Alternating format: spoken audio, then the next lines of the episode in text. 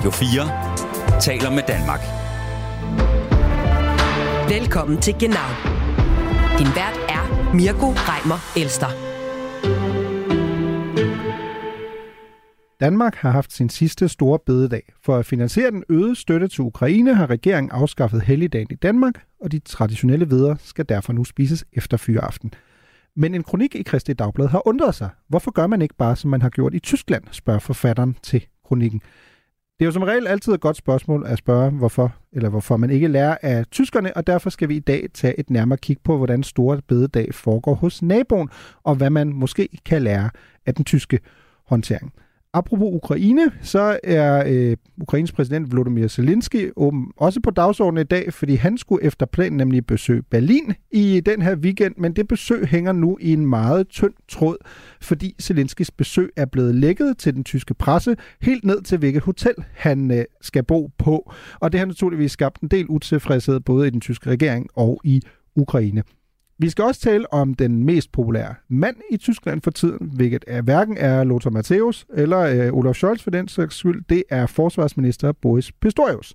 Han er efter 100 dage på posten blevet øh, døbt minister perfekt i øh, den tyske avis Der Spiegel, og hans øh, popularitet virker kun til at gå en vej, og det er op. Vi zoomer ind på, hvad Pistorius, hvordan er han nået til toppen, hvad han måske gjort rigtigt modsat nogle af hans forgængere på posten. Velkommen til Genau. Du lytter til Genau på Radio 4. Men øh, vi starter med vores øh, allesammens øh, sidste store øh, bededag. 337 år øh, har man haft øh, store bededag i Danmark. Nu er det slut. Og øh, det er jo på trods af, som bekendt, stor kritik herhjemme, protester, øh, men regeringen og de radikale havde altså valgt at gå igennem med deres forslag om at afskaffe helligdagen. Begrundelsen er jo som sagt, at det er nødvendigt at afskaffe helligdagen for at øge støtten til Ukraine. Statsminister Mette Frederiksen har blandt andet sagt sådan her i forbindelse med den debat. Det er på grund af den sikkerhedspolitiske situation, vi står i, hvor vi kan se, at det så langt øjet rækker, får vi i Danmark brug for at bruge flere penge på forsvaret og på vores sikkerhed. Et andet citat har dog fanget vores opmærksomhed på genau i den her uge, og det kommer fra Kristi Dagblad, hvor professor i teologi Svend Rasmussen har skrevet, Warum einfach, wenn es auch umständlich geht? Det er jo øh, et, godt gammelt tysk øh, ordsprog, som oversat betyder, hvorfor gør det nemt, når det også kan gøres besværligt. Svend Andersen har skrevet en kronik i øh, Dagblad, og han mener, at øh, regeringen overså en meget lettere løsning på hele polemikken med Store Bededag, nemlig at man øh, bare kunne have gjort, som man gjorde i Tyskland i sin tid. Derfor kommer vi til at tale med Svend Andersen lige om lidt. Øh, vi skal høre, hvad han mener med Tyskland som eksempel. Og så kan jeg også sige øh, velkommen til dig i studiet, Philip Ostrovich, Senior Research Advisor ved CBS, som jo også kender den tyske debat om øh, Store Bededag, eller Buson Betag, som man jo kalder den sydpå. Men lad os starte med dig, Svend Rasmussen. Vi har dig med på en telefonforbindelse her. Hej Svend. Ja, hej. Jeg hedder, undskyld, jeg hedder Svend Andersen. Hvad, har... Rasmussen et par gange. Jamen, det er simpelthen forkert. Jeg har simpelthen haft en, øh, jeg har simpelthen haft en lærer i, øh, i gymnasiet, der hed Svend, uh, Svend Rasmussen. Ja, ja, det er okay. Det er okay. Beklager, Svend. Vi, vi kommer rigtig godt fra start her. Men Svend, lad mig, lad mig lige høre. Du har jo skrevet den her uh, kronik, og lad mig um, egentlig spørge dig indledningsvis. Hvad er det, tyskerne ligesom har gjort rigtigt i forhold til uh, håndtering af, af Buson Betag, som du synes, man kunne have taget ved lære af herhjemme? Jamen, tyskerne, de har jo for det første et helt andet forhold mellem stat og kirke, end vi har i Danmark. Og det, som de har gjort rigtigt, det er, at de har skældnet imellem bededagen, eller Busum Betag, som kirkelig helligdag, og bededagen som almindelig fridag. Og øh, de har nøjedes med for nogle år siden at afskaffe fridagen, men de har regeringen, den tyske regering, har jo ikke rørt ved den kirkelige bus om betag, den findes stadigvæk. Og nøjagtigt det synes jeg, man skulle have gjort herhjemme. Jeg skal bare lige forstå også, øh, hvad, altså, hvad vil den konkrete effekt have været her? Altså vil det have haft en indflydelse på i forhold til, at man jo i hvert fald fra politisk side har argumenteret, altså det har jo mere været et argument, der ikke så meget handler om øh, teologi eller religion, men om, om økonomi. Ikke? At man har brug for på en eller anden måde at få flere penge ind i kassen. Vil man kunne have gjort det, hvis man havde fulgt den tyske vej? Ja, det kunne man sagtens. Altså man gjorde sjovt nok det samme i Tyskland, jeg tror det var i 94, øh, hvor det var fridag, hvor bussen Betag var fridag, der manglede man penge til den såkaldte flækkeforsikring, og så afskaffede man fridagen. Men man greb ikke ind i kirkens øh, ønske om at have bussen Betag som kirkelig helligdag. Og det, man har gjort i Danmark, det er så at sige, man har, man har taget helligdagen også fra kirken. Man, man, man har simpelthen, altså øh, bededag er jo også en kirkelig helligdag. Der findes et, øh, en forskrift for, hvordan præster de skal fejre bededagen, og også det griber man ind i. Den, også den har man afskaffet. Det havde man ikke på det tidspunkt, da jeg skrev kronikken, men det har man så gjort i mellemtiden, fordi man ikke lyttede til mit gode råd. Ja, det er jo øh, øh, logisk nok meget øh, beklageligt, at man ikke har gjort det. Jeg tager lige Philip Ostrovich med her, øh, Svend, også i forhold til Philip, som er jo lige præcis en, der har boet i, i Danmark i mange år, og også kender den tyske håndtering af det her. Ja, ja, det er vel ja. en... Er det ikke en åbenlys, altså Philip Ostrovich, er det ikke en ret åbenlys model, som, som Svend her øh, foreslår, som man bare kunne have fulgt? Fuldstændig. Altså, du, du kan jo have en, en statslig helligdag, øh, ligesom øh, 3. oktober, tag der Deutschen Einheit, og du kan skalte det fra, fra, fra sådan set teologiske, religiøse, kirkelige øh, helligdag. Det kan, man, det kan man sagtens gøre.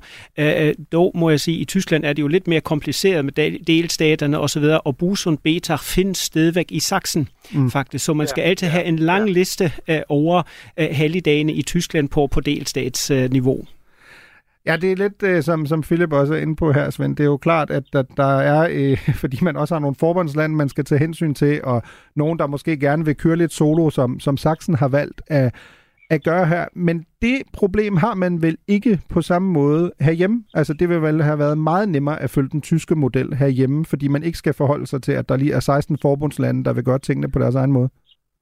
Jamen, det er fuldstændig rigtigt, men det, det man skal have med, i, i, hvis man vil gå lidt grundigt til værks, det er, at øh, Danmark og Tyskland har to forskellige grundlove, der definerer forholdet mellem stat og kirke forskelligt.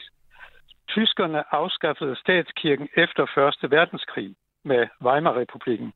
I Danmark har vi på dybest set ikke afskaffet statskirken, og det betyder, at kirkens, folkekirkens øverste ledelse er Folketinget og regeringen.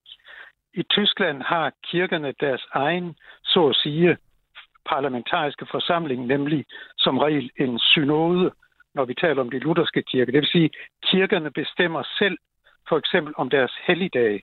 I Danmark er det mærkværdigvis sådan, at kirkens øverste ledelse er kirkeministeren og Folketinget. Men jeg synes, det er en rigtig god idé at gå øh, grundigt til værk, så det kan selvfølgelig lyde lidt paradoxalt, når jeg startede med ikke at kunne huske dit efternavn, Svend. Men øh, Ostrovits, du, du, du markerede. Ja, altså, øh, jeg vil sige, øh, øh, med far for, at jeg øh, stikker mine fingre eller hele hånd dyb i et vepseredet, så er det jo interessant, når man kommer som tysker øh, til Danmark og, og finder et land med en folkekirke. En, et, et land, der ellers øh, sådan set ser sig selv som meget innovativ, moderne, også i forhold til, til, til samfundet. Og så har man en folkekirke, og så bliver det flaget på Folketinget ved, ved kristne helligdage. Og, og det er jo en, en større debat, som man måske bør, bør tage op også i, i forhold til, til, til den her afskaffelse af store bededag. I Tyskland kan man også diskutere, om de kontrakter, som kirkerne, de statskontrakter, som de kristne kirker har med staten, er tidsvarende osv. Men jeg synes, man, man kunne jo måske føre en lidt større øh, debat om folkekirken igen i Danmark. Jamen, hvis jeg lige må gribe ind, jeg synes jo netop, at i forbindelse med afskaffelsen af Stor Bededag, kunne man jo have gået et skridt i en mere moderne retning og sagt, vi adskiller det almindelige øh, fridagen fra den kirkelige.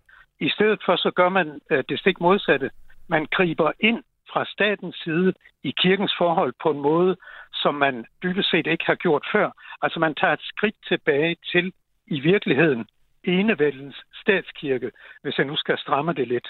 Og jeg er fuldstændig enig i, at øh, for en udlænding øh, og en tysker, der må det være meget mærkeligt. Jeg kommer selv fra Tyskland oprindeligt, så det, det virker meget mærkeligt, men det er meget, meget tætte forhold mellem stat og så en bestemt kirke, vi har i Danmark. Øh, her til, til sidst, øh, Svend, øh, jeg kan jo, øh, du ser jo selv, du, du er født og opvokset i, i, i Tyskland. Så vidt jeg husker, er du født i Slesvig, ikke? Øh, måske har jeg det mindste styr på den del, faktisk. Øh. Ja, Sydslesvig, ja. Sydslesvig, jamen det, det, gør dig jo allerede sy- enormt sympatisk øh, på, på, på de her kanter på Genau. Men her til sidst, Svend, fortryder du egentlig, at du måske ventede for længe? Altså med, med at skrive kronikken i forhold til, at det indspark kunne være kommet mere ind i, i den danske debat, fordi igen, vi er jo et Tysklandsprogram, så vi hører jo altid gerne, at man siger, at man skulle orientere sig sydpå, men som vi jo synes jeg også har afdækket her i snakken mellem dig og, og Philip Ostrovich, så er det jo relativt svært faktisk at finde de valide begrundelser for i den danske debat, at man ikke bare fulgte den tyske model. Det er meget interessant, at øh, i de øh, juridiske overvejelser, som man gjorde sig i kirkeministeriet, der siger man et sted, at så vidt øh, de, de kender ikke til, at der findes bededage i andre kirker. Det er jo bare et eksempel på den enorme uvidenhed i Danmark om tyske forhold. Og øh, der, jeg kunne ikke have opnået noget ved at, at, at, at melde mig tidligere, fordi det var besluttet i regeringens øh, øverste organ, at den øh, helligdag skulle afskaffes Robert og stup, og det har kirkeministeren så adlydt og hendes embedsmænd, og nu er den væk. Måske til sidst, altså der er læst mig frem til, hvad stor bededag egentlig er, og hvordan man sammenligner det, så, så, så står der blandt andet på Wikipedia, at, at det er en udbredt misforståelse i Danmark, at det var en helligdag, som Struense havde indført. Og, og det er bare det er ikke rigtigt. Men måske har, har regeringen jo også uh, troet på den der, så, så måske er det også noget lidt antitysk uh, i selve afskaffelsen af store bededag. Men det tror jeg simpelthen ikke på, men, men bare som, som Ej, sådan så historie til sidst. Ja, ja, ja, ja. Tusind tak for din tid, Svend Andersen. Dengang ramte jeg den vist rigtigt, ikke? Selv tak. Tak for din tid. Du lytter til Genau på Radio 4. Nå, men øh, fra en øh, misforståelse eller et eksempel, hvor man i hvert fald kan, kan lære af, af Tyskland til et eksempel, som jeg tror ikke skal bruges til, til efterligning Ostrovich. Vi skal jo tale om, at øh, nu på lørdag er det jo egentlig planen, at den ukrainske præsident Volodymyr Zelensky, han skal på statsbesøg i Berlin. Han skal også modtage en fornem pris i, i Aachen øh, inden da. Og det vil jo i så fald være første gang faktisk, at Zelensky besøger Tyskland, øh, siden øh, Rusland har angrebet Ukraine. Så jo, man kan sige jo en, en meget vigtig symbol, både for, for den tyske støtte, skal selvfølgelig også ses i lyset af Zeitenwende og det her tyske paradigmeskifte. Men nu er vi jo havnet et sted, hvor der jo er sået alvorligt tvivl om, hvorvidt øh, Zelensky kommer, fordi hans besøg er blevet lækket til pressen øh, på forhånd. Øh, og det er jo nærmest banalt at konstatere, men lad os lige tage det med, at øh, Zelensky er selvfølgelig en mand, der, øh, hvor sikkerhedsforanstaltningerne skal være i top, øh, hvis han forlader Ukraine. Og derfor er det jo ikke sindssygt smart, at man nærmest på forhånd har øh, tilkendegivet, hvor manden skal hen, øh, hvor han, apropos en del af lækagen også, hvor han vil skulle bo. Og derfor er der jo nu fra Ukraines side sået tvivl om, hvorvidt at øh, præsidenten kan komme øh, til Tyskland. Og det lad os prøve at lytte til, hvordan det lyd i blandt andet de Welt, da de skulle beskrive, hvad der var sket her. Franka, wir haben gleich diese Einmeldung für Sie, denn eigentlich sollte es ja geheim bleiben, der Besuch des ukrainischen Präsidenten in Berlin. Doch ja, doch er wurde vorab bekannt und jetzt ermittelt die Berliner Polizei wegen Geheimnisverrats vor Zelensky-Besuch und auch die deutsche Bundesregierung, so ist zu hören, ist alles andere als begeistert über dieses Leck vorab. Ja, der er ikke rigtig nogen, der er begejstret øh, over det her, som det, som det fremgår fra de vælte. Forbundsregeringen er sur, øh, ukrainerne er, er sure, øh, selv sagt. Øh, Ostrovits, hvad med dig? Er, du, øh, er Ostrovits sur, eller er han skuffet? Altså, øh, øh, jeg, jeg synes, det er helt øh, vildt, øh, fordi det er jo ikke en, en hvad som helst øh, statsbesøg. Altså, hvis det nu var den øh, italienske øh, premierminister eller et eller andet. Det, det planlægger man jo i god tid. Det, det giver man også til pressen i god tid. Men, men det her, det er en mand, der øh, sådan set fører et land i en krig, og det synes jeg er helt utroligt, at, at sådan noget kan, kan lægges. Jo, også fordi, som du ser, det er mand, der, der ligesom står og prøver at forsvare, stå i spidsen for sit land, der er blevet angrebet, og det er jo med livet som indsats. Altså, at han forlader landet, i så fald for at komme på udlandske besøg. Øh, og det er jo ikke, fordi han måske skal bruge tysk offentlig transport, at det i så fald er med livet som indsats, men det er jo simpelthen fordi, at det er risikoen for, at han bliver angrebet, hvis man faktisk opsnapper, hvor han er, er jo ganske gevaldig. Øh, den tyske Ruslands- og Ukraine-ekspert Nico Lange har over for de valgt også brugt nogle, øh, nogle kan vi jo diskutere lidt, om det er hårde ord, men han har jo blandt andet kaldt det en blamage. Øh, lad os prøve at lytte til, hvad han sagde til de valg. Deutschland blamiert sich wenn solche Dinge passieren. Die Besuche von Präsident Zelensky in allen anderen Staaten sind bis kurz vorher geheim geblieben. Und in Deutschland gibt es eben eine breite Berichterstattung darüber, wann er angeblich ankommt, in welchem Hotel er übernachtet. Äh, dafür muss man sich ein bisschen schämen, dass das in Deutschland so passiert. Ja, altså Nico Lange siger jo, at Tyskland gør sig selv til grin, fordi som vi også har talt om, normalt bliver de her besøg holdt hemmeligt nærmest til på dagen, at han bare dukker op.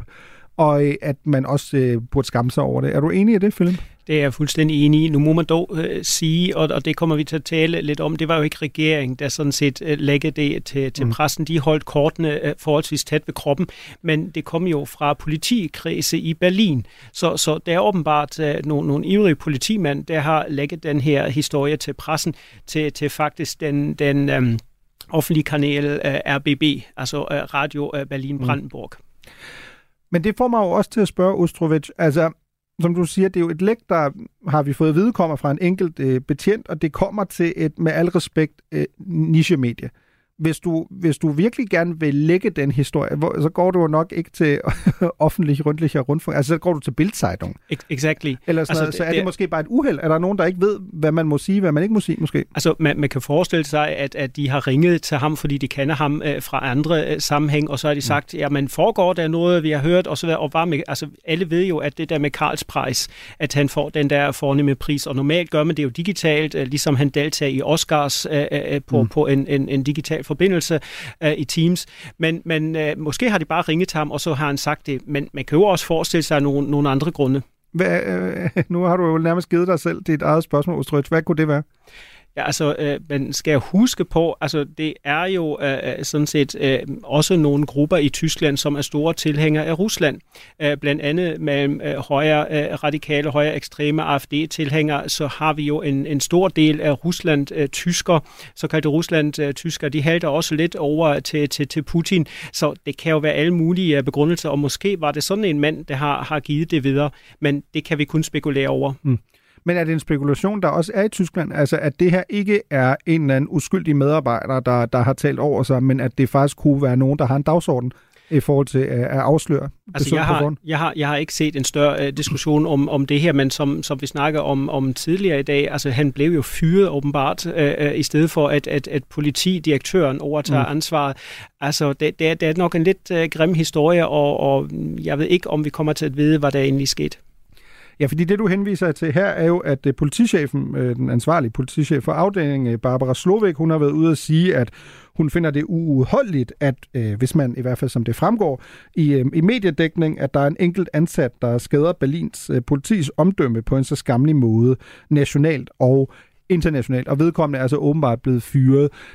Det får mig jo sådan til at tænke, ja okay, men Altså, hvad med, starter ansvar ikke i toppen? Altså, hvis du, hvis du ikke kan holde styr på din egen afdeling, og der er en eller anden menig medarbejder længere ned, øh, burde det ikke også have konsekvenser for politichefen? Fuldstændig, og når vi taler Berlin, og Berlin, øh, altså politiet i Berlin, jeg tænkte jo, da jeg læste den her nyhed, så tænkte jeg, ja, men det er sket i Berlin, ikke? Altså, øh, det, det, vi, vi har jo talt om det mange gange, øh, hvordan det står til i hovedstedet, i Tysklands hovedsted, at der er mange, mange dysfunktionale ting, at administrationen ikke fungerer, at politisk, altså hvis du stadigvæk, altså jeg, jeg tænker tit på det, at, at valget, altså kommunalvalget i Berlin, eller landsdagsvalget i mm. Berlin, mm. er jo er blevet erklæret ugyldigt. Altså hvis du, hvis du bor i sådan et en, en delstat, og hvis du kender Berlin, så undrer du dig ikke over så meget mere. Altså også at politiet, øhm, jeg ved jo ikke, hvor mange mennesker i politiet har vidst det her. Altså når du forbereder sådan nogle sikkerhedsforanstaltninger, så behøver sådan set de menige medarbejdere vel ikke vide, hvem det er, de skal beskytte. De kan jo sige, at der kommer en, en meget, meget kendt politiker, der kan lige så godt være en amerikansk udenrigsminister eller et eller andet, vi skal køre store sikkerhedsforanstaltninger op.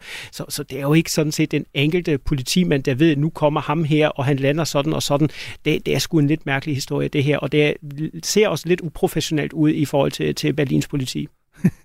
Ja, vi skal jo altid, som du siger, Ostrovic, passe lidt på, hvad vi siger om Berlin, fordi jeg tror, at øh, Visit Berlin, jeg tror, de har også i forvejen ikke på deres øh, favoritliste, fordi vi tilpas ofte har talt om, at øh, der er ting, der ikke uh, forgår, øh, sådan går helt efter planen. Ikke? Vi havde jo Mathias Sonne med for nyligt i et afsnit, hvor han jo også øh, fortalte os om, at man jo øh, omtaler Berlin som en, en failed øh, city, simpelthen, altså simpelthen en fejlslående øh, by, fordi der er så mange ting, der ikke fungerer. Ikke? Øh, He, og, og det er helt enig i. Dog øh, har jeg lige været i Berlin, og jeg må jo sige, altså som turist er det jo en fantastisk by, og meget, meget spændende by, fordi det er så forskelligt, og der er, altså, du kan jo se alle mulige slags, og den form for dårlig organisation osv., det kan jo også være interessant at se på. Så, så når man kommer med en fordomme til Tyskland, at alt fungerer, og alt er perfekt, øh, så er Berlin bestemt det modsatte.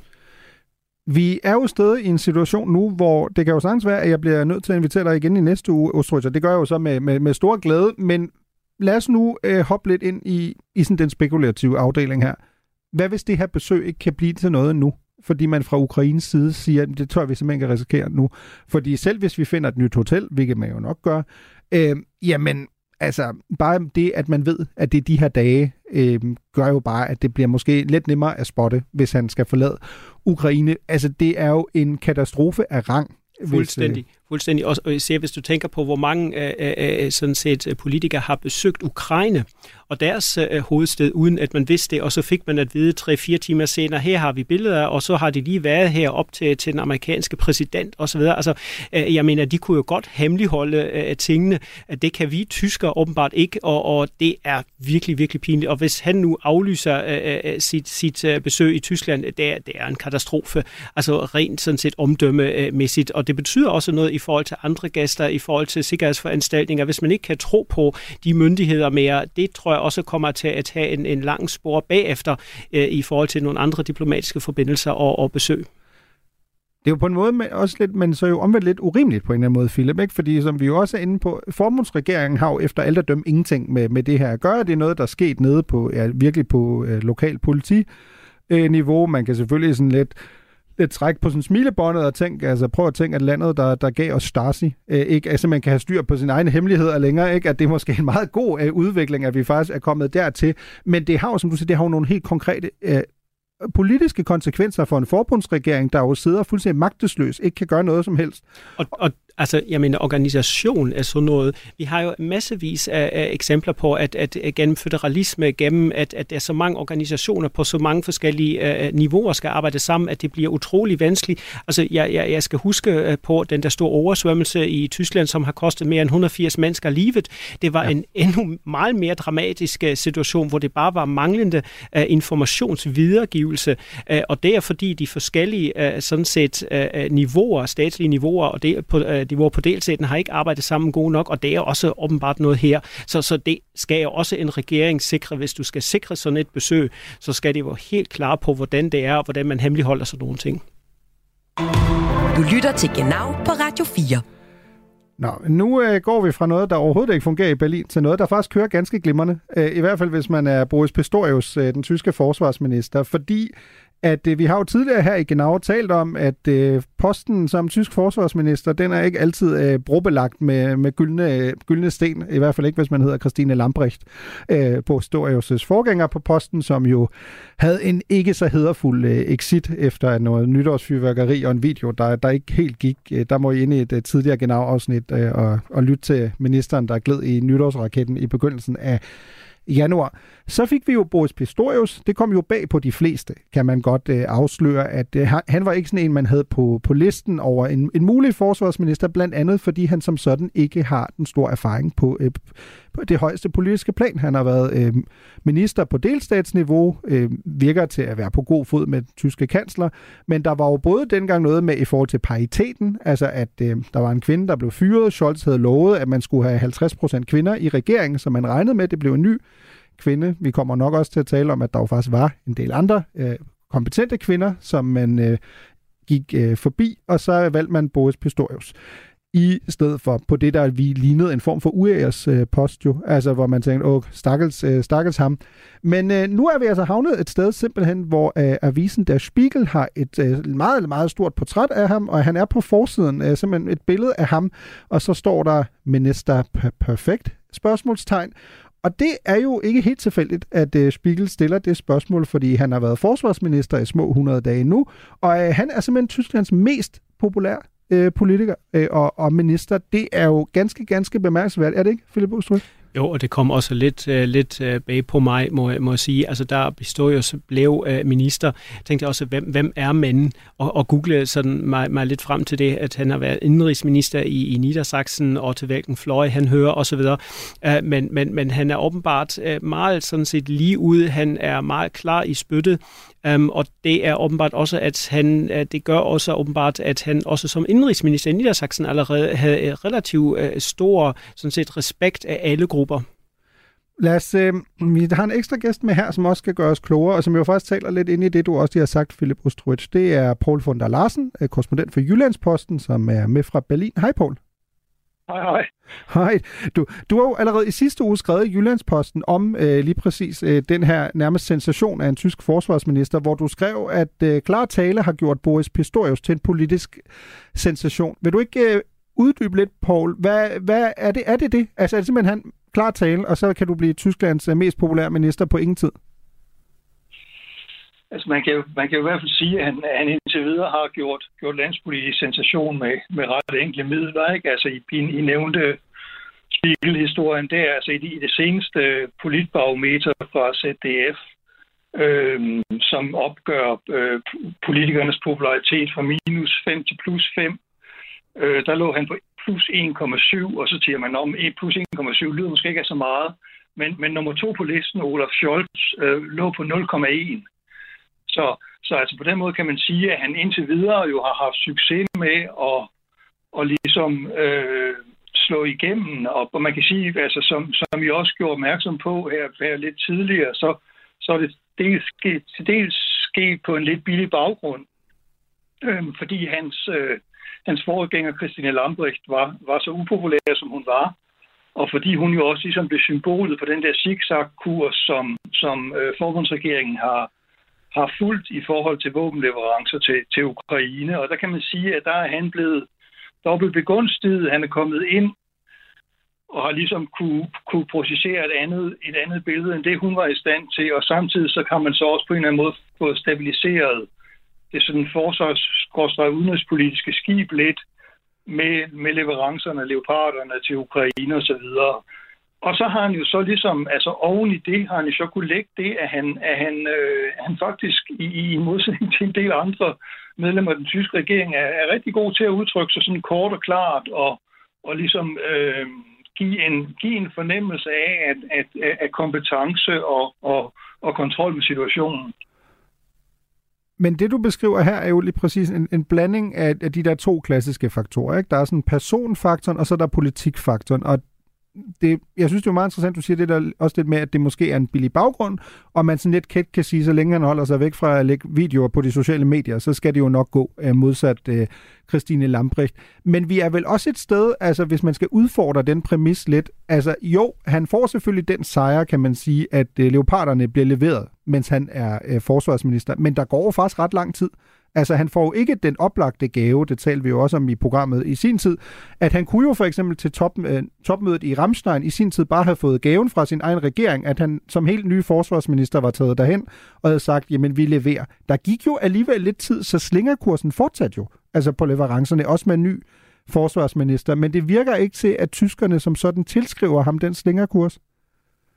Nej, altså, men, men, men der tror jeg også, at altså, netop personfaktoren klart øh, spiller en rolle. Altså, der, der kommer vi selvfølgelig ind i noget, som kan være lidt sværere at dissekere og beskrive, ikke? men altså, øh, jeg tror på en eller anden måde, og, og det er ligesom bare min, min læsning af det, altså, at altså, han er lidt en, altså, han er jo 63 år, øh, Pistorius, og, mm. og som, som I siger der i det landspolitiske, jo stort set ubeskrevet blad, øh, han tilhører en lidt anden politikergeneration, end, end mange gør i, i Ampel-regeringen. Ikke? Altså, han, han, han har lidt mere, altså, han udstråler en eller anden, vi, vi, hvis jeg skulle beskrive det, sådan en eller anden, der er sådan en udstråling, altså man kan altid diskutere, hvor meget substans der er i det, og, og det, det må tiden jo ligesom vise, men han udstråler en kompetence, en, en pragmatisme, øhm, altså en, en, en, en sådan, her kommer, her kommer den, den sådan professionelle, selvom man jo ikke er professionel forsvarsmand, men altså ligesom en professionelle problemknuser. Og, og, og, og det er jo noget, noget helt andet end det, det, end det Lambrecht ligesom øh, udstrålede, ikke? hvor hun ligesom hele tiden halsede efter, halsede efter de der forskellige udmeldinger. Og han kommer også i en, en tid, øh, hvor vi jo i nogle flere år, også i inklusive forbundsdagsvalget, har jo haft uh, sådan set rigtig mange politikere, der ikke har haft sådan bella figurezza, uh, vil jeg sige. Altså hvis man tænker på, at en, en stor del af Scholz uh, valgsejr bunder i, at Armin Laschet var en meget svag kandidat, som, som folk mm. ikke kunne lide. Uh, Scholz selv er ikke særlig uh, vel uh, elsket, eller hvad man kan sige i, i befolkningen. Uh, så har man haft Robert Habeck, Habeck, som jo var den store stjerne, og folk kunne godt uh, lide ham, men han er jo lige kommet lidt i farlige uh, farvand uh, med sådan noget uh, nepotistiske ansættelser i sit eget ministeriet, så han er også faldet. Og så kommer der, kommer der og det er helt rigtigt, en mand, der virker sådan kompetent, savligt, nøgtern, uh, men, men samtidig åben og, og de er parat til, til dialog, og lidt fra sådan en, en, en, som det også blev sagt, en anden politikergeneration, som virker bare meget kompetent. Og jeg tror, det, det er så det. Og så er området jo vigtigt, og så har man en følelse, efter man har afklaret det med Leopard 2 leverancer, det var jo en af de første ting, øh, da han øh, trådte til som minister, det havde man afklaret inden for nogle dage. Så nu føler man jo også i Tyskland, man er på kurs i, i Tyskland i forhold til Ukraine, det der slingerkurs holdt lidt op, og så er Pistorius der, og han er lige meget klart i spyttet og, og meget klart i sine udtalelser, så jeg tror, det er en, en, en kompetent politiker, man ser. Lad os, prøve, øh, Paul, lad os prøve at dykke lidt ned i det der med kompetence, for det synes jeg er enormt interessant, fordi det er jo også, øh, og det er altid en lidt ubehagelig snak, vi, vi er tre mænd, der står her og skal snakke om det, men der er også bare noget med køn her, ikke? Altså, der er noget med, okay, vi taler sådan lidt nærmest lidt indforstået om, han er en mand han, i 60'erne, han, han udstråler noget andet, han er kompetent, og, men som vi jo også har vendt et par gange nu, han har ingen åbenlyse kvalifikationer, hvis han skulle lave et CV i forhold til at være forsvarsminister. Det behøver man jo ikke. Altså, det er jo som politiker ikke et krav. Altså, det er jo ikke, du kan ikke forvente, at der hver gang kommer en Helmut Schmidt agtig type ind i Forsvarsministeriet, der nærmest vil kunne undervise som professor samtidig på et anerkendt universitet i, i det, der er op og ned i, i udenrigs- og sikkerhedspolitik.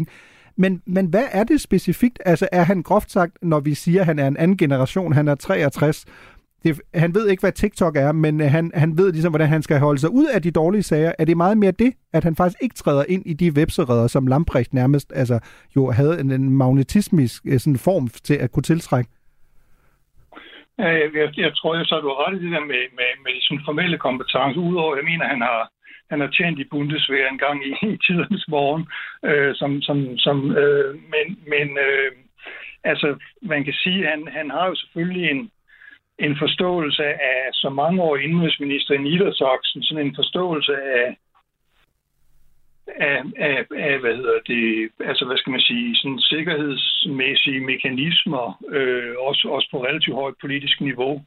Øh, men, men altså, ja, man kan sige, altså nu, nu, nu, nu snakkede vi tidligere i programmet om, om, om Berlin, og det er også tit meget forkætret Berlin.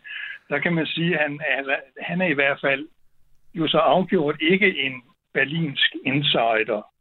Øhm, og og, og det, det kan jo også have været med til at, at, at ligesom svinge altså, øh, vægtskålen, eller tynge vægtskålen ned i hans favør, da, da, da Scholz, han, netop det der med, at Scholz, han, han overså jo et par kandidater, som var meget, øh, som var meget hit tippet der tilbage i, i januar. Ikke? Altså sådan en som Simche Møller for eksempel, ikke? som er mm. øh, statssekretær i, i, i Forsvarsministeriet, øh, men som også er, er ligesom øh, mere i, i, hvad skal man sige, Baerbock-generationen. Ikke? Øh, og, og, altså ellersmæssigt eller stilmæssigt, øh, Poul? Altså når du siger Baerbock-generation? Både lidt jo, hun er 39, vi mener mm. Simse Møller, det er, ikke? Øh, og, men, men måske også lidt i, i, hvad skal man sige, i, i sensibiliteten. Altså fordi, det er også, det er også det, er lidt, det, det, det vi, vi, altså når vi er ude det der sådan lidt, lidt øh, blødere felt der, så må jeg også sige, at altså, der er jo mange ministre i Ampel, som ligesom skyder i sådan en lidt, altså meget bredt sagt, vogue øh, retning. Ikke? Altså Harbeck, Baerbock, øh, Lauterbach lidt, altså sundhedsministeren, øh, på, på nogle måder. Altså, og der kan man sige, der er det her en, det er en helt anden type. Øh, og, og, og indtil videre er det jo i høj grad kommunikationen og typen osv., vi, vi reelt kan bedømme ham på. Fordi det lange seje træk, både i forhold til, hvordan støtten til Ukraine måtte sig over de kommende måneder og år, og det er sådan, altså hele sejtenvendte dimensionen, altså hvordan de rent faktisk skal få, få de der øh, øh løfterige ord udmyndtet i, i konkret politik, altså det, det er det jo bare, det, det, det er jo, der er vi jo stadigvæk i en relativt tidlig fase. Det, det, er, det synes jeg er virkelig interessant, du, du siger, Paul von der Larsen, for det er jo også det, jeg skulle til at spørge Ostrovich til nu, i forhold til, at det her, altså, hvis du er Boris Pistorius, så er det værste, du vel egentlig kan tænke dig lige nu, det er vel den der forside på Der Spiegel. Altså den der Minister Perfect spørgsmålstegn, fordi at han som sådan jo substantielt har meget lidt at vise. Altså, Tyskland halter stadig bagefter i forhold til at komme, at komme op på faktisk en, en konkret Zeitenwende. Det, det, det er fuldstændig rigtigt, men man skal ikke undervurdere, øh, øh, før jeg vil gerne sige noget til mm. kønsroller også bagefter, men han har også den, den måde, han har grebet øh, sagen an på ind i militæret, er faktisk meget, meget anderledes end forgængeren, den kvindelige forgænger han har præcis øh, øh, lavet det der forløb, som, som øh, militær tilrettelægger til nye minister. Han er gået igennem alle de her ting. Han kender folk i ministeriet, han kender folk, de øverste spiser i militæret. Han har en meget, meget tæt dialog med dem her, og så har han åbenbart truffet sådan nogle meget øh, små øh, afgørelser. For eksempel, øh, det er meget, meget kendt, at tysk militær har utrolig svært at, at øh, sådan set bestille nye ting. Det skal i udbud, det tager 100 år. Det, det er sådan set det store problem i, i tysk militær. Og så var det også noget om nogle meget, meget meget små gummibåde, som, som skulle skaffes, og de var anderledes end det alle andre havde. Og så har han bare sagt, jamen hvorfor bestiller de andre dem? Jamen fordi de, de kan, det kan vi få fat i. De andre, som vi vil have, dem kan vi ikke få fat i. Så sagde han, så, så, så skal vi bare have dem, vi kan få fat i, og så bestiller man. Og det samme med, med sådan nogle små andre ting. Så han er meget konkret handlende, hvor Lamprecht jo afviste fra starten at overhovedet gå ind i den her proces med at lære folk at kende. Der var massevis af mm. historier om hende, at hun netop ikke kendte den øverste hæresledelse osv. Og så tror jeg også, som, som du var inde på lige før, det er selvfølgelig også noget med kønsroller. Altså, jeg, jeg vil ikke afvise det. En, en kvinde i spidsen af, af forsvarsministeriet, det er noget helt andet, når der kommer sådan en mand, over 60, øh, som virker sådan relativt øh, øh sådan set pålidelig og klart osv. Det er noget med, med, med kønsroller, og det skal man selvfølgelig heller ikke øh, glemme her. Hvad, hvad siger du til det, øh, Paul von der Larsen? Fordi at som en, der jo også selv analyserer, jeg ved jo, det her er jo sådan en hadeopgave, lad os, lad os være ærlige, ikke? Vi, man skal ligesom prøve at forklare, men er det A, B, og ofte er det jo A, B, C, D plus E og F, ikke? Der, der er forklaringerne, og det er jo også derfor, jeg synes, det er vigtigt, at Ostrovich lige siger, prøv at høre, selvfølgelig er der nok noget, der også handler om køn, og sådan en, måske er det det, men man kan jo ikke i, i den her diskussion i forhold til det, som Christine Lambrecht ikke lykkes med, undgå at tale om, at køn havde jo også noget her, det handlede meget mere om kompetence. Altså hun trådte jo i det ene fedtnæpjen efter det andet. Øh, og det handlede jo ikke kun om den der klassiske øvelse, som tyskerne elsker, når der er en minister, der ikke lige kan den specifikke grad på en eller anden i militæret, hvor man øh, eddermame skal have læst meget op på at forstå alle de forskellige øh, forskelle, der er af grader. Det handler vel også om, som du var inde øh, på, øh, Paul von der Larsen, i forhold til det her, når du taler om en generation, at han indtil videre har Boris Pistorius jo undgået at lave de nemme fejl. Og derfor kommer der heller ikke nogen dårlige historier om ham. Mm, ja, helt klart. Altså, og jeg, jeg er meget enig i vurderingen af, at han har... Altså, at de ting, det er der, hvor vi ligesom har set ham øh, gøre noget indtil videre. Der har det, der har det generelt... Altså, har man, har man indtryk af også fra ligesom de, de altså, tyske analytikere og, og den tyske, altså, øh, tyske eksperters vurdering af det været fornuftigt, altså at man for eksempel er gået ind øh, i forhold til den der meget, meget øh, komplicerede proces, de har for at, og, øh, at bestille nye, øh, nye våbensystemer og udvikle øh, ting og sager til, til, til, øh, til militæret, at han der er gået ind og, og, har, og har slået ned der og sagt, at vi skal først og fremmest købe det, som, som allerede er lavet. Altså det, som, er, som, man, som vi relativt nemt kan, kan, øh, kan få sat i drift hurtigt. Øh, så altså, han har, han har undgået de der, øh, hvad skal man sige, altså han, har, han, har, han har taget nogle fornuftige beslutninger, og han har, han har manøvreret meget drevent i forhold til de, til de udfordringer, der har været indtil videre. Øhm, og det er klart, altså man har jo haft, man har jo haft øh, kvindelige forsvarsminister i de seneste 10 år i, i Tyskland, så man kan sige, det, det, der ligger jo en eller anden grad stilskifte i det i hvert fald.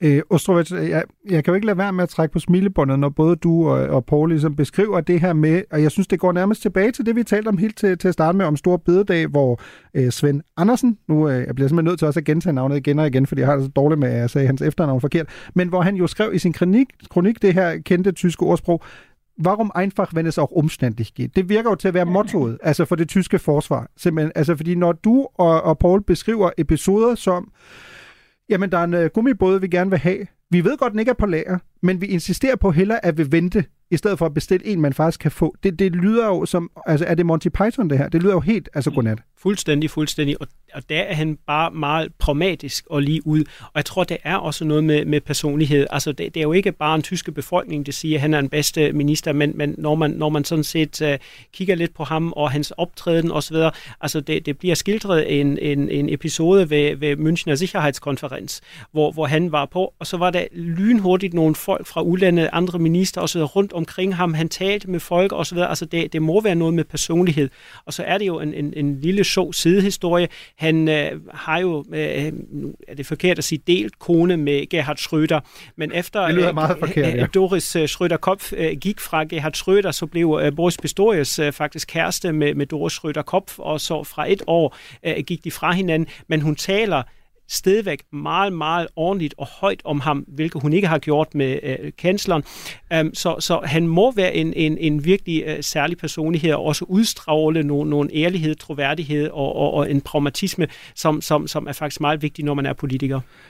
Paul, det synes jeg er meget interessant, at, at Ostrovich bringer det op. Ikke det der med om at dele koner og sådan noget. Det, det skal vi ikke have nogle principielle øh, debatter om her i programmet. Men jeg kan også huske, at da vi skulle tale om Pistorius, da han trådte til i sin tid, at det fyldte jo lidt i den tyske presse, ikke? At fordi man faktisk vidste relativt lidt om ham, og så begyndte jo det der klassiske spørgsmål, som der er i de her år efter Ruslands angreb på Ukraine, er Boris Pistorius en putin -forstærer? Det kørte jo også den diskussion. Og jeg synes, det var virkelig øh, tankevækkende, at hver gang man skulle prøve at finde noget, han måske havde sagt, han havde sagt noget i forhold til sanktionerne i sin tid, øh, efter at Rusland havde øh, annekteret Krim, der henviste man altid til, oh, oh, prøv at se, hvad man har været gift med. Og jeg sådan sad sådan og tænkte, okay, det er virkelig vildt, at vi sådan kaster os ud i sådan en motivanalyse af tredje grad, at fordi han har været gift med en, der har været gift med, med Gerhard Schröder, så kunne det jo være. Men der er vel indtil videre, apropos, fordi det er jo også en interessant pointe, som Ostrovich kommer med her, han har jo ikke rigtig noget, nogen lige i lasten, når det kommer til Rusland. I, I så fald kender vi dem i hvert fald ikke. Nej, altså, ikke, altså man kan sige, at han har, jo, han har jo været involveret i nogle brede fora, altså for eksempel øh, en, en, en deutsch-russiske frontshopsgruppe øh, i, i Bundesrat. Men, men, men der taler vi jo mere om sådan nogle, altså man kan sige, Tyskland har jo op til udbruddet af, af, af krigen sidste år jo altså haft meget brede økonomiske øh, og alle mulige andre kontaktflader til Rusland, så det er der jo ikke i sig selv noget, det er der jo ikke i sig selv noget, noget, noget øh, ulegitimt eller, eller, eller mistænkeligt i, kan man sige. Altså, han, altså alt tyder jo på, at han ligesom har tilhørt den der relativt brede strømning i, i SPD og jo også for den sags skyld i CDU, CSU, som, som, altså, som ligesom satte, hvad skal man sige, forholdet til Rusland som et, som et vigtigt øh, omdrejningspunkt for tysk udenrigs- og sikkerhedspolitik, og det kan man sige helt naturligt, altså og med, med, med, og med, med, med rødder langt tilbage i tiden. Øhm, og, og, og, og, men, men man kan sige, altså han har bare ligesom gjort det rigtige. Altså han har, han har, klar, han har, han har klart øh, lagt distance, og han har ligesom klart udtrykt sin støtte til Ukraine på, med, med, med et forståeligt ordvalg. Og så kan man sige, så, så hvad han så måtte eventuelt måtte øh, have deltaget lidt i nogle forår tilbage, altså det, det har simpelthen mindre politisk, politisk øh, betydning. Altså der, der, der kan man sige, der har han ligesom, der har han ligesom klart vist, at han, at han har politisk sans for at, at gøre det rigtigt i den, i den nuværende situation.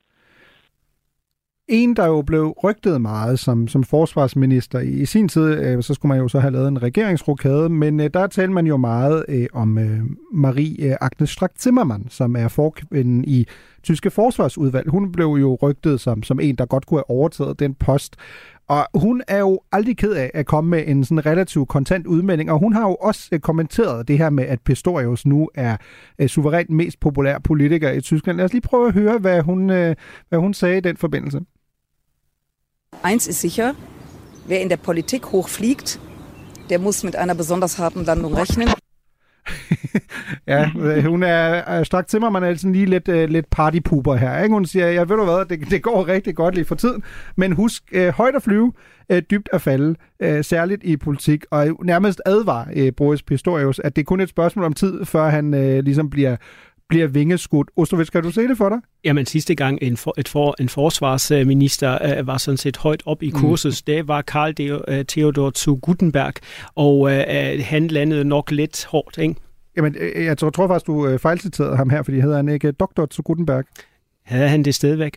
ja, det er jo øh, diskussionen, ikke? Fordi hvad jeg siger, Gutenberg kom jo også øh, på en eller anden måde ud af ingenting, øh, og lige pludselig der gik nærmest hvad, et års tid, så blev han rygtet som mulig kanslerkandidat og fremtiden, øh, og så fandt man jo ud af, at han havde tilhørt, apropos øh, brede tyske strømninger, den brede tyske strømning af øh, mennesker med en øh, doktorgrad, som øh, måske har lavet sig lige lovligt inspirere i, i deres arbejde af, af andre, og det skal jeg jo ikke have nogen holdning til som en, der stadig ikke har færdiggjort øh, sin doktorafhandling, men det er jo fordi, jeg modsat andre måske ikke prøver at lade mig inspirere.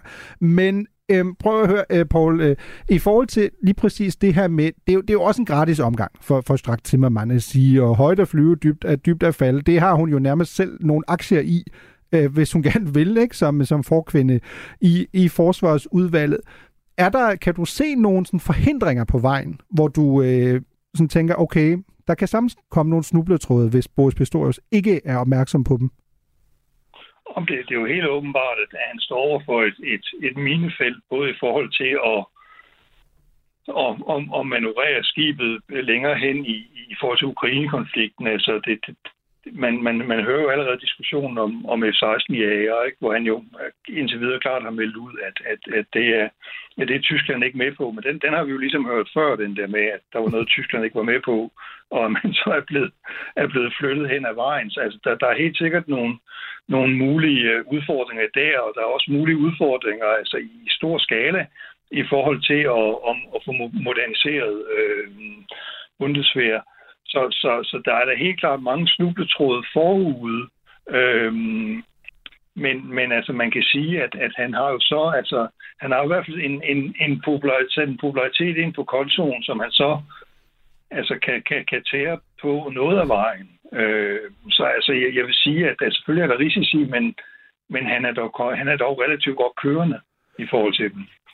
Hvad, hvad siger du, Philip? Er han er godt kørende? Fordi man kan jo også, hvis man skal være djævelens advokat, sige, at han måske i det lange løb kan være sådan lidt, jamen damned if you do, damned if you don't. Ikke? På den ene side skal han vel øh, stå foran Bundeskanzleramt hver dag og råbe, øh, show me the money til, til Olaf Scholz, han faktisk skal igangsætte den her kæmpe transformation. Og på den anden side, jamen selv hvis han får pengene, så, så vender vi jo tilbage til et af mine øh, yndlingsudtryk, som den tyske ambassadør bruger så meget herhjemme, de mentale Zeitenwende. Altså han skal jo stå i spidsen for det, der også skal være et kæmpe mentalt paradigmeskifte for en tysk befolkning, der lige pludselig skal vende sig til, at det er helt naturligt, at du skal bruge mindst 2% af dit BNP på forsvaret, vel at værke på et tidspunkt, hvor befolkningen er relativt gammel, der er kæmpe udfordringer på digitalisering, øh, ældrepleje osv. osv. Det kunne vi jo også bruge meget tid på at tale om der er vel nogle udfordringer i horisonten i forhold til på et tidspunkt faktisk at skulle effektuere det, der er jo lige præcis modsat i Danmark, faktisk stadig er en meget betændt diskussion i Danmark. Fuldstændig, og så skal man ikke glemme, også inde i militæret skal der være nogle store reformer og nogle store strukturelle øh, forandringer. Altså hele, hele øh, militæret skal sådan set rettes øh, øh, ud til, til de udfordringer, vi har nu i det 21. århundrede. Det er en kæmpe, kæmpe opgave. Men altså, hvis man ser på, hvor, hvor kort øh, de andre ministre har været på posten, så er han måske et godt bud på øh, øh, i forhold til en, øh, hvor det kan lykkes. Alt det, man hører fra militæret, fra Bundeswehr selv, øh, tyder på, at han kan, og han er villig til det, så må vi bare håbe, at, at han holder øh, til opgaven. Tusind tak øh, for din tid, Paul von der Larsen. Ja, tak. Du lytter til Genau på Radio 4. Ostrøs, vi skal jo også lige forbi øh, vores lille øh, sidste historie her, og det er jo, at den tyske finansminister Christian Lindner, han skulle jo egentlig allerede nu være på vej til Kina øh, og møde sin øh, kinesiske kollega, men øh, det har øh, kineserne aflyst. Øh, vi er virkelig meget rundt omkring kalender og, og rejser i, i det her program, og det har de jo gjort med henvisning til lige præcis kalenderproblemer, som, som det hedder på, på nudansk. Det kender man jo også hjemmefra, at det kan være svært at få kalenderen til at gå op det lyder ret bizart. Er det sådan et diplomatisk power move, man bare lige trækker ud og siger, vi vil ikke se dig alligevel? Det, det, det vil jeg sige, altså helt klart, øh, fordi både Lindner og de liberale FDP har udtalt sig aktivt aktiv for en ny Kina-politik, så man vil ikke være mere i slipstrøm af Merkels meget, meget bløde Kina-politik, man vil finde på en hård politik mod Kina, og det har både partiet, men også Lindner sagt flere gange. Så, så det er må, måske åbenbart et, et forsøg af kineserne at opdrage ministeren en lille smule. Men prøv at forklare mig, fordi det kan jo umiddelbart på overfladen virkelig ulogisk, at et liberalt parti, der om noget burde gå ind for samhandel, og måske også øh, stadig være en vis forfægter af ideen om, at samhandel skaber øh, mere fredelige relationer, at det er de liberale alle, der sætter sig i spidsen for en hård Kina-kurs, hvor vi jo i øvrigt, det er jo også et af de store mysterier i tysk politik på forbundsplan i de her måneder, at vi har jo i lang tid ventet på den såkaldte Kina-strategi, øh, som forbundsregeringen vil udarbejde, og den venter vi øh, jo øh, stadig på. Altså jeg, jeg tror, at, at man ser både, at EU og også dermed den europæiske økonomi er truet af Kina, så, så, så de der kompromiser, man har indtil videre øh, lavet, fordi man kan sælge biler osv., det, det er øh, uh, FDP, de liberale, måske lidt kritisk overfor. Og så skal man heller ikke glemme, uh, hvorvidt det spiller en rolle i dag. Altså uh, de liberale har jo et værdipolitisk uh, sådan set en, en ramme, som, som uh, hvor, hvor frihedsrettigheder, uh, menneskerettigheder spiller en stor rolle, og måske er det også et forsøg på at holde det lidt op, fordi man har fokuseret meget på økonomisk politik inden for, for FDP, men man har også de råder, og man har faktisk også et klientel, der stedvæk synes, øh, de her værdier er vigtige, og man skal holde den lidt op. Det er vel også et, et stort dilemma, ikke? Altså for, for FDP, for de liberale, fordi som du siger, på den ene side har du frihedsrettighederne, og derfor vil du øh, helt naturligt have modstand på, mod et stort del af det, der foregår i Kina. Øh, omvendt er du jo også et parti, øh, for øh, den, den øvre middelklasse og den, den virkelig godt tjenende del af det tyske samfund, som jo vægter, øh, apropos den økonomiske top, der vægter handelsrelationer vigtigt. Øh, vi har jo haft en del udsagn her på det sidste, fordi man i Tyskland jo også, ligesom alle andre lande, diskuterer det her med, hvordan kan vi gøre os mindre afhængige øh, fra Kina. Man taler meget om det her begreb decoupling, altså man skal sådan afkoble sig lidt fra Kina. Og jeg synes, det, der er meget slående i den tyske debat, er, at du igen og igen har tyske topchefer, der helt åbent går ud og siger, prøv at høre, det er jo nærmest sådan et fantasifoster. I diskuterer et eller andet i teorien, hvad I gerne vil. I praksis er det fuldstændig umuligt. Blandt andet nogle af topcheferne for de store tyske bilfirmaer, øh, der har været ude og sige, prøv at høre, hvad, skal man sidde og stoppe med at sælge biler i Kina, eller hvad, så kan vi lukke og slukke jo. Men jeg tror, det handler jo også om øh, på det lange øh, træk. Ikke? Altså hvis, hvis vi overlader hele, øh, det hele øh, til Kina, og vi kan jo se, hvordan de køber tyske virksomheder, hvor det, hvordan de køber tysk know-how osv. Og så er der også nogle af topcheferne, der er blevet lidt mere, mere kritiske over for, for, for Kina, men at de nu øh, aflyser det her møde med finansminister, det er selvfølgelig på diplomatisk plan en, en stor, et stort problem, og det er en stor krise. Altså det, det kan man ikke øh, øh diskutere øh, bort det bliver jo yderligere kompliceret af, at vi jo, øh, vi jo virkelig også øh, her sådan lidt uh, små detektiver, du er, Ostrovich, fordi at en ting er, at man så aflyser Lindner, men så får vi så at vide, at den kinesiske udenrigsminister faktisk meget spontant kommer til, til Tyskland. Der kunne de åbenbart godt finde ud af at holde det hemmeligt. Måske fordi vedkommende var blevet fyret i politiet i Berlin, så han ikke også kunne røbe det. Men han, han kommer på, på et uan, ret uanmeldt besøg for at møde Annalena Baerbock, og hvis der er noget, der har kendetegnet den her regering, så er det jo, at Annalena Baerbock har været hardlineren i forhold til hård retorik mod Kina, fokus på menneskerettigheder, fokus på personlig frihed. Det giver jo, sådan, hvis man kigger på det helikopterperspektiv, ingen mening, fordi Baerbock er jo hårdere i retorikken over for Kina, end Lindner er. Vi ved ikke, hvad der sker i baglokalerne, og hvordan man, man, man sådan set uh, taler sammen. Altså jeg tror overordnet set er det sådan set et, et klart signal om, at, at Kina sætter dagsordenen, og det vil de vise. De kan sætte dagsordenen, og selvfølgelig uh, kan, man, kan man protestere og diskutere det her, men jeg tror, at det, det her signal, det er bare uh, uh, i retning af, at vi bestemmer, uh, hvem vi inviterer, hvem der skal komme, og vi vil opdrage uh, de her liberale i Tyskland en lille smule, at sådan skal de ikke, uh, sådan skal de ikke forholde sig. Det er meget interessant. Så du tænker, det er måske nærmest først et dobbelt sådan diplomatisk power move, fordi vi afløser finansministeren, øh, og så øh, melder vi, jamen, at vi vil øvrigt gerne komme til Tyskland. Øh, sådan lidt, vi er faktisk herre i, i eget hus på, på dobbelt forstand. Vi bestemmer, og, hvem der kommer til os, og så dukker vi bare op. Præcis, og ikke bare i eget hus, men, men også i Tyskland og i EU, mm. kan, man, kan man sige. Så det er os, der bestemmer, øh, kunne være sådan et, et, et, et tagline til det her. Vi skal jo også, øh, har du, vi har jo lidt tid tilbage der er jo også hele den her historie, vi har jo nærmest ikke rigtig dækket den øh, i genau endnu, det må vi kaste os over på et tidspunkt. Historien om selvfølgelig Kina og, og havnen i Hamburg, ikke? Øh, terminalen, som jo med, med stor modstand øh, blev godkendt af, af Scholz, øh, på trods af, at man havde i tyske ministerier, hvor man jo apropos sagde, åh oh, nej, begår tyskerne nu de samme fejl igen, som man har gjort i forhold til Rusland, gør man det nu på Kina-politik. Og den hænger jo også i en meget tynd tråd, den aftale. Lige pludselig tror du, det kunne have noget at gøre med det også, at man føler fra kinesisk side, at man faktisk lige bliver nødt til at troppe op at sige, at der er noget på spil her, øh, og jeg bliver simpelthen nødt til at tænke lidt om nu.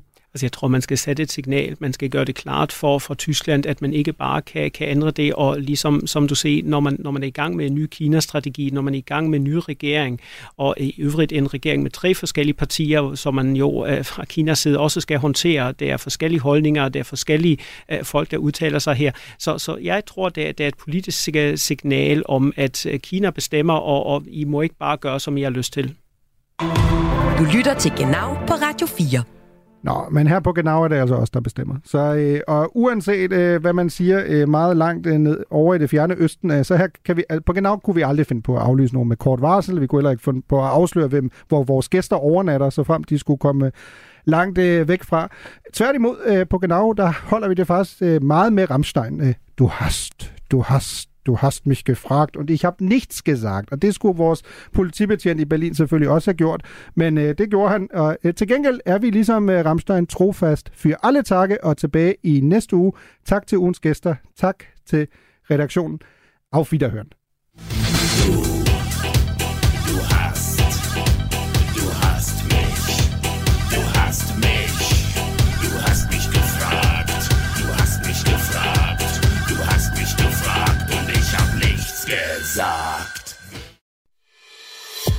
Du har lyttet til en podcast fra Radio 4. Find flere episoder i vores app, eller der, hvor du lytter til podcast. Radio 4 taler med Danmark.